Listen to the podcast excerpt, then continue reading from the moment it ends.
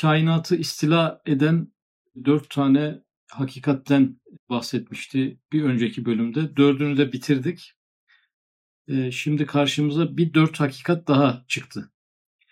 Fakat bu önceki dört hakikatle sonraki dört hakikat arasında bir giriş yazısı gibi bir yazı var. Bugün bu yazı kısa bile olsa diğeriyle birleştiremedim. Sadece bu kısa yazıyı okuyacağız. Sonra o sükunetsiz misafir kendi kalbine dedi. Ehli imanın, hususan ehli tarikatın her vakit tekrarla La ilahe illa hu demeleri, tevhidi yad ve ilan etmeleri gösterir ki, tevhidin pek çok mertebeleri bulunuyor. Hem tevhid en ehemmiyetli ve en halavetli ve en yüksek bir vazife-i kutsiye ve bir farizai fıtriye ve bir ibadeti imaniyedir. Öyleyse gel bir mertebeyi daha bulmak için bu ibrethanenin diğer bir menzilinin kapısını daha açmalıyız. Evet sonra diyor yani işlediğimiz o dört hakikatten sonra o sükunetsiz misafir, sükunetsiz, sükun, sükunetsiz yani durma bilmeyen, sükun olsa durmuş olur. Yani kemale ermiş olur. Yolculuğu sona ermiş olur. Cisimlerin hareketi gibi. E, önce bir hareket olur sonra sükun söz konusu olur. Tam kemal noktasında. E, ama buradaki yolcu helmin mezit yolcusu, daha yok mu yolcusu olduğu için sükunetsiz misafir diyor. Yani dur, durak bilmeyen, durmak yok diyen bir misafir bu. E, bu satıra kadar geldiğimiz hakikatler çok büyük hakikatlerdi ama bu yine ona yetmedi. Bir sükunete ermiş olmadı. Sonuç itibariyle seyri sülükün mertebeleri sonsuz. Cenab-ı Hakk'a giden yolun bir uzunluğu ölçülemez, hiçbir zaman bitmez. Bitti dediği yeniden başlanır. Sükunetsiz misafir derken yolculuğun her zaman süren bir yolculuk olduğunu, manevi yolculukların hiç bitmediğini ifade etmiş oldu. Kendi kalbine dedi. Bu benzer kalıbı 7. şuada çok gördük. Kendi aklına dedi, kendi kalbine dedi. E bu bizim pek alışmadığımız bir tarz aslında. İnsanın kalbiyle konuşması, aklıyla konuşması, ruhuyla konuşması, bazen nefsiyle konuşması e, bu 7. şuada çok karşımıza çıktı. Ama günümüz insanının pek yaptığı bir şey değil. Ehli imanın hususan ehli tarikatın her vakit tekrarla la ilahe illahu demeleri. Şimdi bu yolcu kainattaki her şeyi incelediği için artık iman ehli bir yolcu müminleri de inceliyor. Müminleri inceleyince de ehli imanı özellikle içinde bir daire olan ehli tarikatı da inceliyor. Allah'a seyri sülük yapan insanlar olarak tarikatları da incelemiş oluyor. Ve onlarda gözüne çarpan önemli bir özellik var. E, La ilahe illahu e, bunu çok sık tekrarlıyorlar ve her zaman tekrarlıyorlar. E, ehli tarikat derken artık manevi yol ve yöntem bulup onun üzerinde ilerleyen herkes buna dahil olur. Müminlerin geniş dairesini de dahil etti. Çünkü bir tarikat mensubu olmasa da bir müminin dünyasında bu la ilahe illahu her yerde, her vakit, her namazda var, her an var. E, sürekli tekrarladığı bir şey. Dolayısıyla dış gözle, objektif bir gözle müminlerin dünyasını ve e, ehli tarikin dünyasını inceleyince ilk gözüne bu çarptı. Neden acaba sürekli sık sık e, tekrarla la ilahe illahu diyorlar? Önce bunu inceleyecek. Tevhidi yad ve ilan etmeleri tevhidi yad ve ilan etmeleri. Şimdi tevhidi yad etmek biraz hafi zikir çağrışımı yaptırıyor. İlan etmeleri de cehri zikir çağrışımı yaptırıyor. Tarikatları özellikle incelediği için tevhidi yad ve ilan etmeleri. Eğer siz bunu açıktan söylemezseniz sadece içinizde e, tevhid duygusu oluşursa buna yad etmek derler. Anımsarsınız, hatırlarsınız, hissedersiniz ama sizde kalır. E, buna yad etmek derler. Ama ilanda e, bunun sesli olarak seslendirilmesi vardır. Burada hafi ve cehri tarikleri belki özel olarak da Nakşibendiliği ve Kadiriliği bu iki kelimede birleştirdiğini düşünüyorum. Tevhidi yad ve ilan etmeleri. Gösterir ki tevhidin pek çok mertebeleri bulunuyor. Gösterir ki buradaki ki ifadesi bir sebep sonuç ilişkisi var burada. Bu e, la ilahe illahu bu kadar tekrar edildiğine göre tevhidin mertebeleri var demektir. E, neden bu sonuca ulaştı? Çünkü tevhidin mertebeleri olmasaydı biz hayatımızda bir defa la ilahe illallah bu deseydik oradan beklediğimiz sonucu elde etmiş olurduk. Mesela namazın mertebeleri vardır. Namazın mertebeleri olmasaydı hayatımızda bir defa namaz kılmakla yükümlü olurduk. Bir kere bile kılsaydık üzerimize düşeni yapmış olurduk. Orucun mertebeleri vardır. Orucun mertebeleri olmasaydı her yıl tekrar tutmak zorunda kalmazdık. 30 gün üst üste tutmak zorunda da kalmazdık. Vecibenin yerine gelmesi için bir oruç bile o noktada yeterdi. Bir şey sürekli yaptırtılıyorsa mertebeler var demektir bu cümleye bakılırsa. E, tekrar okuyorum. Tevhidi yad ve ilan etmeleri gösterir ki tevhidin pek çok mertebeleri bulunur. Yani o tekrarların sebebinin bu olduğunu söylüyor. Demek ki hiçbir la ilahe illallah önceki la ilahe illallahla aynı değil. Çünkü bu ifadeyi kullanan kişi artık aynı değil. Her la ilahe illallah'ta belki bir perde açılıyor. Hani hadis miydi hatırlamıyorum. Kulla Rabbi arasında 70 bin perde vardır. Belki her bir zikir bir perdeyi açıyor. Hem tevhid en ehemmiyetli ve en halavetli ve en yüksek bir vazife-i kutsiye. Yine İslam toplumunu inceledi, ehli tarikleri inceledi, sürekli kullandıkları kelimeye baktı. La ilahe illahu buradan bir, bir sonuç daha çıkardı. Demek ki diyor tevhid en ehemmiyetli. Yani tevhidden daha büyük bir görev olsaydı onu sürekli tekrarlarlardı. Demek ki en çok tekrar edilen şey en büyük görevdir. Ve en halavetli en halavetli. Burada bir tatlılık, bir lezzet var. Çünkü e, La ilahe illahu'nun sürekli söylenmesi vacip veya farz değil. Bunu sürekli söyleyenler var. Burada bir lezzet, bir haz aldıkları da anlaşılıyor. Yani orada bir e, halavet, bir tatlılık olduğu. Çünkü bazı ehemmiyetli görevler vardır ki hiçbir tatlı tarafı yoktur ama e, La ilahe illahu bir görevse şayet ve en büyük görevse bunun bir de halaveti olduğu ehli tarikin yüzlerinden okunuyor, ruhlarından okunuyor, kalplerinden okunuyor. Bunu isteksizce çekmiyorlar. Bunu çektikçe let alıyorlar. Ve en yüksek bir vazifeyi kutsiye, en yüksek bir vazifeyi kutsiye. Yani eğer ki vazifeleri sıralandıracak olursak işte namaz, e, iman, anne babaya iyilik yapmak gibi böyle fazilet sıralaması yapmak durumunda kalırsak e, bunların en üstüne yine tevhid gelir, la ilahe illallah gelir. Çünkü bunun olmayışı diğer haseneleri de boşa çıkaran bir eksiklik olur. En yüksek bir vazifeyi kutsiye ve bir farizayı fıtriye, bir farizayı fıtriye yani fıtratın gereği. Fıtratımızın bir gereği varmış. Şimdi gözün fıtratının gereğinin görmek olduğu açık. Kulağın fıtratının gereği de işitmektir. Acaba insanın toplam fıtratına bir görev yükleyecek olursak bu görev nedir? Yine tevhid çıkar. Yani bu öyle bir vazifedir ki hani bir kalpte iki sevgi olmaz dendiği gibi insanın kalbi, ruhu ancak bir merkeze bağlanabiliyor. İnsan aynı anda birkaç şeye aşık ve müptela olamıyor. Bir şeye ama bu yanlışlıkla bir faniye de olabiliyor. Bir farizayı fıtriye, yaratılışın, insanın yaratılışının bir gereği, yaratılışı incelenirse bu yaratılıştan ancak görev olarak tevhid çıkar dedirtebilecek bir fıtratı var insanın. Ve bir ibadeti imaniyedir. Tevhidden bahsediyoruz. İbadeti imaniyedir. Biz ibadetler biliyoruz ama bir de ibadeti imaniye varmış. Yani iman bir ibadetmiş. Biz normalde iman ve ibadetler diye ayırıyoruz. Aslında bu ayrım hem doğru hem yanlış. İman da bir ibadet. Biz ibadet deyince illa fiziksel e, veya mali ibadetler gibi algılıyoruz. Bir de kalbi ibadetler var. E, bu ibadetlerin başında da iman geliyor. Bir ibadeti imaniyedir. Öyleyse gel bir mertebeyi daha bulmak için bu ibrethanenin diğer bir menzilinin kapısını daha açmalıyız. Burada kainat kelimesi kullanmadı artık ibrethane ifade ediyor.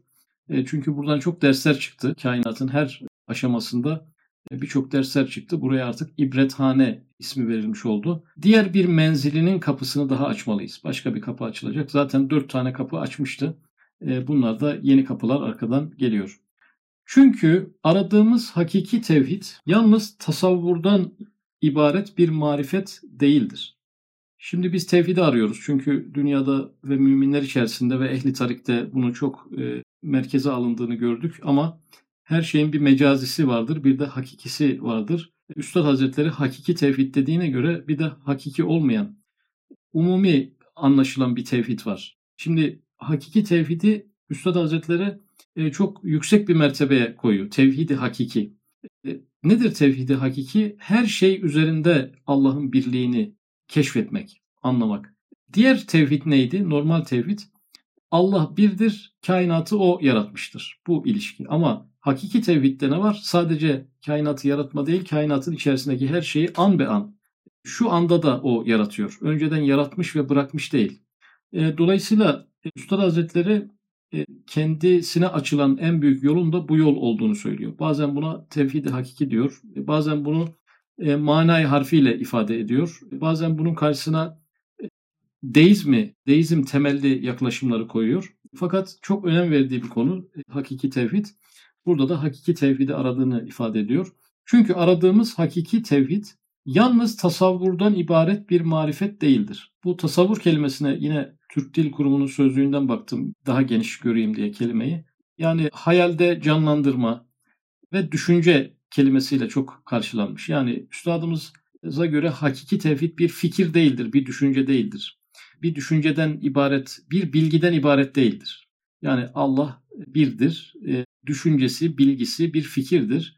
Dolayısıyla bu fikir hakiki tevhid değildir. Bu fikir yetmez. Fikrin böyle olması yetmez. E, bunu başka yerlerde de Risale'de açıldığını görüyoruz. E, e, Muhittin İbni Arabi ile Fahrettin Razi arasında geçen bir mektuplaşmada Allah'ı bilmekle ona inanmanın ayrı şeyler olduğu anlatılmıştı. Allah'ı bilmek, daha doğrusu Allah'ın varlığını bilmek, Allah'a iman etmek demek değildir diye orada bir tahlil vardı o mektupta. Üstadımız da o fikre katıldığı için onu kendi mektupları arasına almıştı. Başka bir yerde de iman etmek başkadır, inkar etmemek başkadır diyordu. Yani genelde insanların yanlışlıkla karıştırdığı şey Allah'ı inkar etmemek imandır diye zannediliyor. Üstadımız iman etmek başkadır diyordu. Yani inkar etmemekten ayrı bir şey diyordu. Burada da onun ayrı bir ifadesi geldi. Aradığımız hakiki tevhid yalnız tasavvurdan ibaret bir marifet değildir. Yani bir düşünce ve bilgi türü değildir bir tasdiktir, bir izandır, bir kabuldür, bir hissediştir. Onları ekleyecek yani ileride hakiki tevhid deyince. Belki ilmi mantıkta tasavvura mukabil ve marifeti tasavvuriyeden çok kıymetdar ve bürhanın neticesi olan ilim denilen tasdiktir. Şimdi ehli tarikte bir eksiklik görmüş olacak ki üstadımız burada hakiki tevhidi ehli tariki anlattıktan sonra getirdi. Şimdi ehli tarikin inkişaf ettirdiği temel latifeler var. Mesela nefsi arındırmak ve kalbi arındırmak. Şimdi nefsi arındırmak için riyazat gibi, çile gibi yöntemler e, kullanılmış. E, kalbi arındırmak için de zikir ve tefekkür gibi yöntemler kullanılmış. Burada ihmal edilen ne olmuş? Akıl olmuş. Yani aklen Allah'ı bulma, aklen Allah'a varma konusu ihmal edilmiş. Bunu da Üstad Hazretleri bir örnek veriyor. E, aklı bir e, kalbi özür dilerim bir kumandan olarak görüyor. Kumandan karşı kaleyi fethetmiş ama diğer askerleri geride kalmış. Yani ehli tarikin durumunu da biraz öyle görüyor. Yani zikirle, fikirle, riyazatla kalbini ve nefsini inkişaf ettirdikten sonra o kaleye girmiş ama aklı başka eski asker olarak geride geride kalan asker olarak akıl ve diğer latifeler kalmış. Üstad Hazretleri buna e, bir zafer gözüyle bakmıyordu. Bu neticeyi ızdırardır diyordu. İnsanın bölünmüşlüğünün de bir sebebidir. Dolayısıyla bazen bir ehli tarik en yüksek mertebelerde olmasına rağmen bida rüzgarları karşısında sarsılabiliyordu. Bulunduğu konumun izahını yapamıyordu, savunmasını yapamıyordu. Aklını o noktada ikna edemiyordu. Aynı zamanda akla gelen vesveseleri kalbiyle bertaraf edemiyordu. Çünkü akla gelen vesveseler yine aklen e, bertaraf edilebilir. Şimdi burada bu tasavvur kelimesinin karşısına ilim kelimesini koydu. Bürhanın neticesi olan ve ilim denilen tasdiktir. Yani bu ilim ve akıl meselesini, aklı aydınlatma meselesini de ihmal etmezsek tam bir terakki olacak. Yani zaten ehli tarik nefsi ve kalbi terakki ettirmiş. Şayet buna bir aklı terakki ettiren bir meslek de eklenebilirse tam bir eksiksiz bir terakki olacak. Bunun da tevhidi hakiki kelimesiyle ifade ediyor. Ve tevhidi hakiki öyle bir hüküm ve tasdik ve izan ve kabuldür ki her bir şeyle Rabbini bulabilir ve her şeyde Halık'ına giden bir yolu görür ve hiçbir şey huzuruna mani olmaz. Şimdi her bir şeyle Rabbini bulabilir diyor. Her şeyde Halık'ına giden bir yolu görür. Şimdi Üstad Hazretleri adeta satır aralarında e, kendisinden önceki e, yol ve yöntemlerin eksikliğini söylüyor. Orada her şeyle Rabbe gidilemiyormuş demek ki. Her şeyde halika giden bir yol bulunamıyormuş. Şimdi vahdetel vücut mesleği huzur duygusunu bozmaması için kainatı inkar yoluna gitmiş.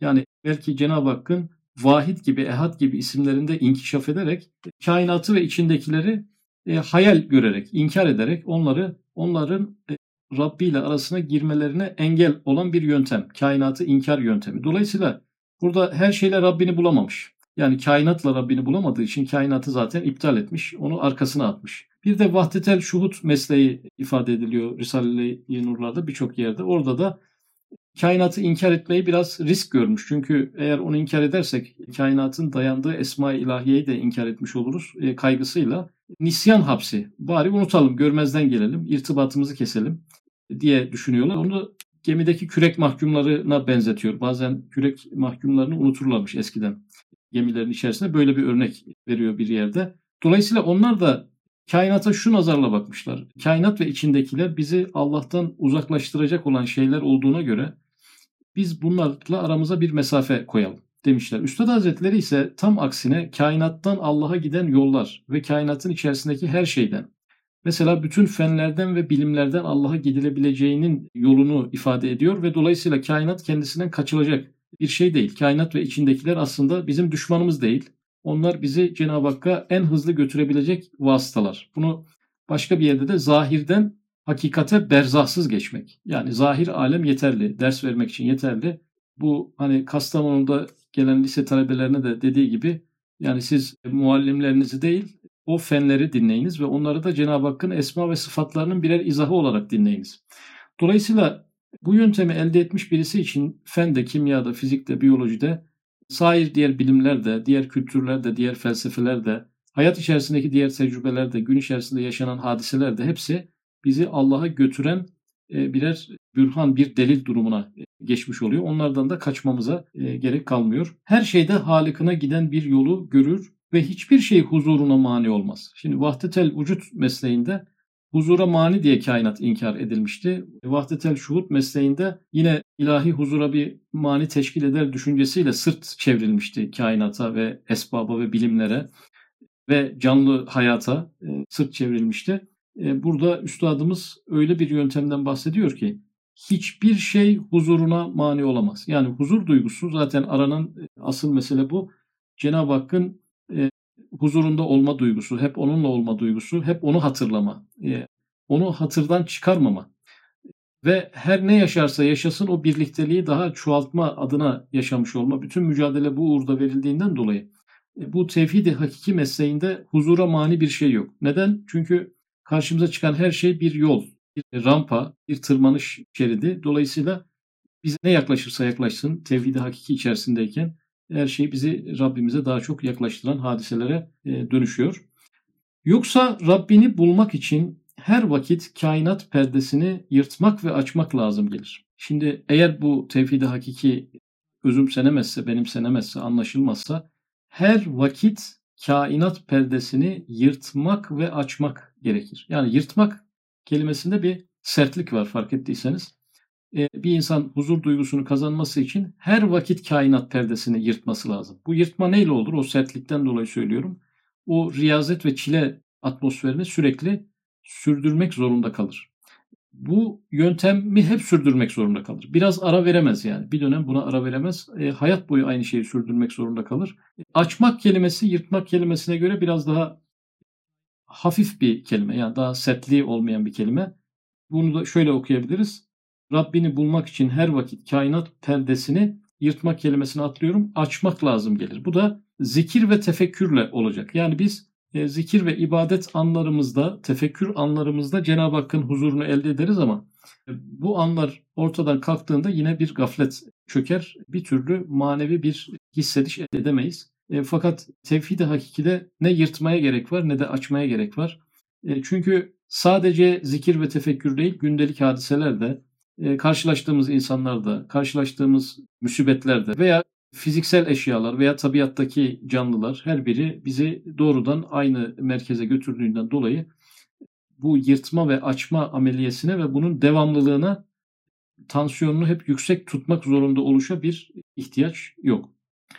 Öyleyse haydi ileri diyerek kibriya ve azamet kapısını çaldı. Şimdi haydi ileri nereye ileri diyor? Çünkü bir şeye haydi ileri diyorsanız geri kalmış bir şeyler olması lazım. Bir kere kalp zaten ileride. Nefs bir noktada o terbiyeden geçtiyse o da ileride. Geride akıl kalmış zaten. Burada haydi ileri akla diyor. Haydi ileri kibriya ve azamet kapısını çaldı. Kainatı inceleyecek tekrar. Kibriya ve azamet hakikatine tekrar erişecek. E, bunun bir ehli tarik yöntemi olmadığı açık. E, çünkü bir yine kainat incelemesine girişecek. Oradan Cenab-ı Hakk'a yollar bulacak. E, ve haydi ileri dediği de e, aklı da burada Üstad Hazretleri kamçılayarak onların yanlarına erişmesini sağlıyor. Efal ve asar menziline ve icat ve ibda alemine girdi. Kibriya ve azamet kapısını çalmış. E, çalınan kapı böyle bir kapı. Buradan girince de efal ve asar menzili. Artık ilahi fiillere geldik. Biz 7. şuada şuraya kadar hep denizler, nehirler, insanlar, e, gezegenler, yıldızlar konuşuluyordu. Burada artık ilahi fiiller yani nesnelerden ziyade ilahi ortak fiiller, kainatın her tarafında cereyan eden ortak fiillere bakacağız. Oradan da kibriya ve azamet hakikatine ulaşacağız. Bu tabii sonraki derste olacak. Efal ve asar menziline, icat ve ibda alemine girdi.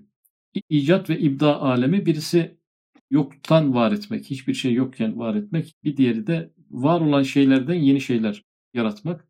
Gördü ki kainatı istila etmiş beş hakikati muhita hükmediyorlar. Önceki derslerde dört tane kainatı istila eden e, kavram vardı ama muhit kelimesi orada yoktu. Yani bu sadece kainatı istila etmiyor. Bir de e, kainatı aynı zamanda kuşatıyor. Bu fiiller kainatın içinden kaynaklanan fiiller değil. E, kainatın dışına da taşmış oluyoruz. Beş hakikati muhita hükmediyorlar. Bedahetle tevhidi ispat ederler. E, diyerek 5 bölümlük bir ders alanı tekrar bize açılmış oldu. Önümüzdeki derste birinci e, hakikati muhitadan başlayıp devam edeceğiz.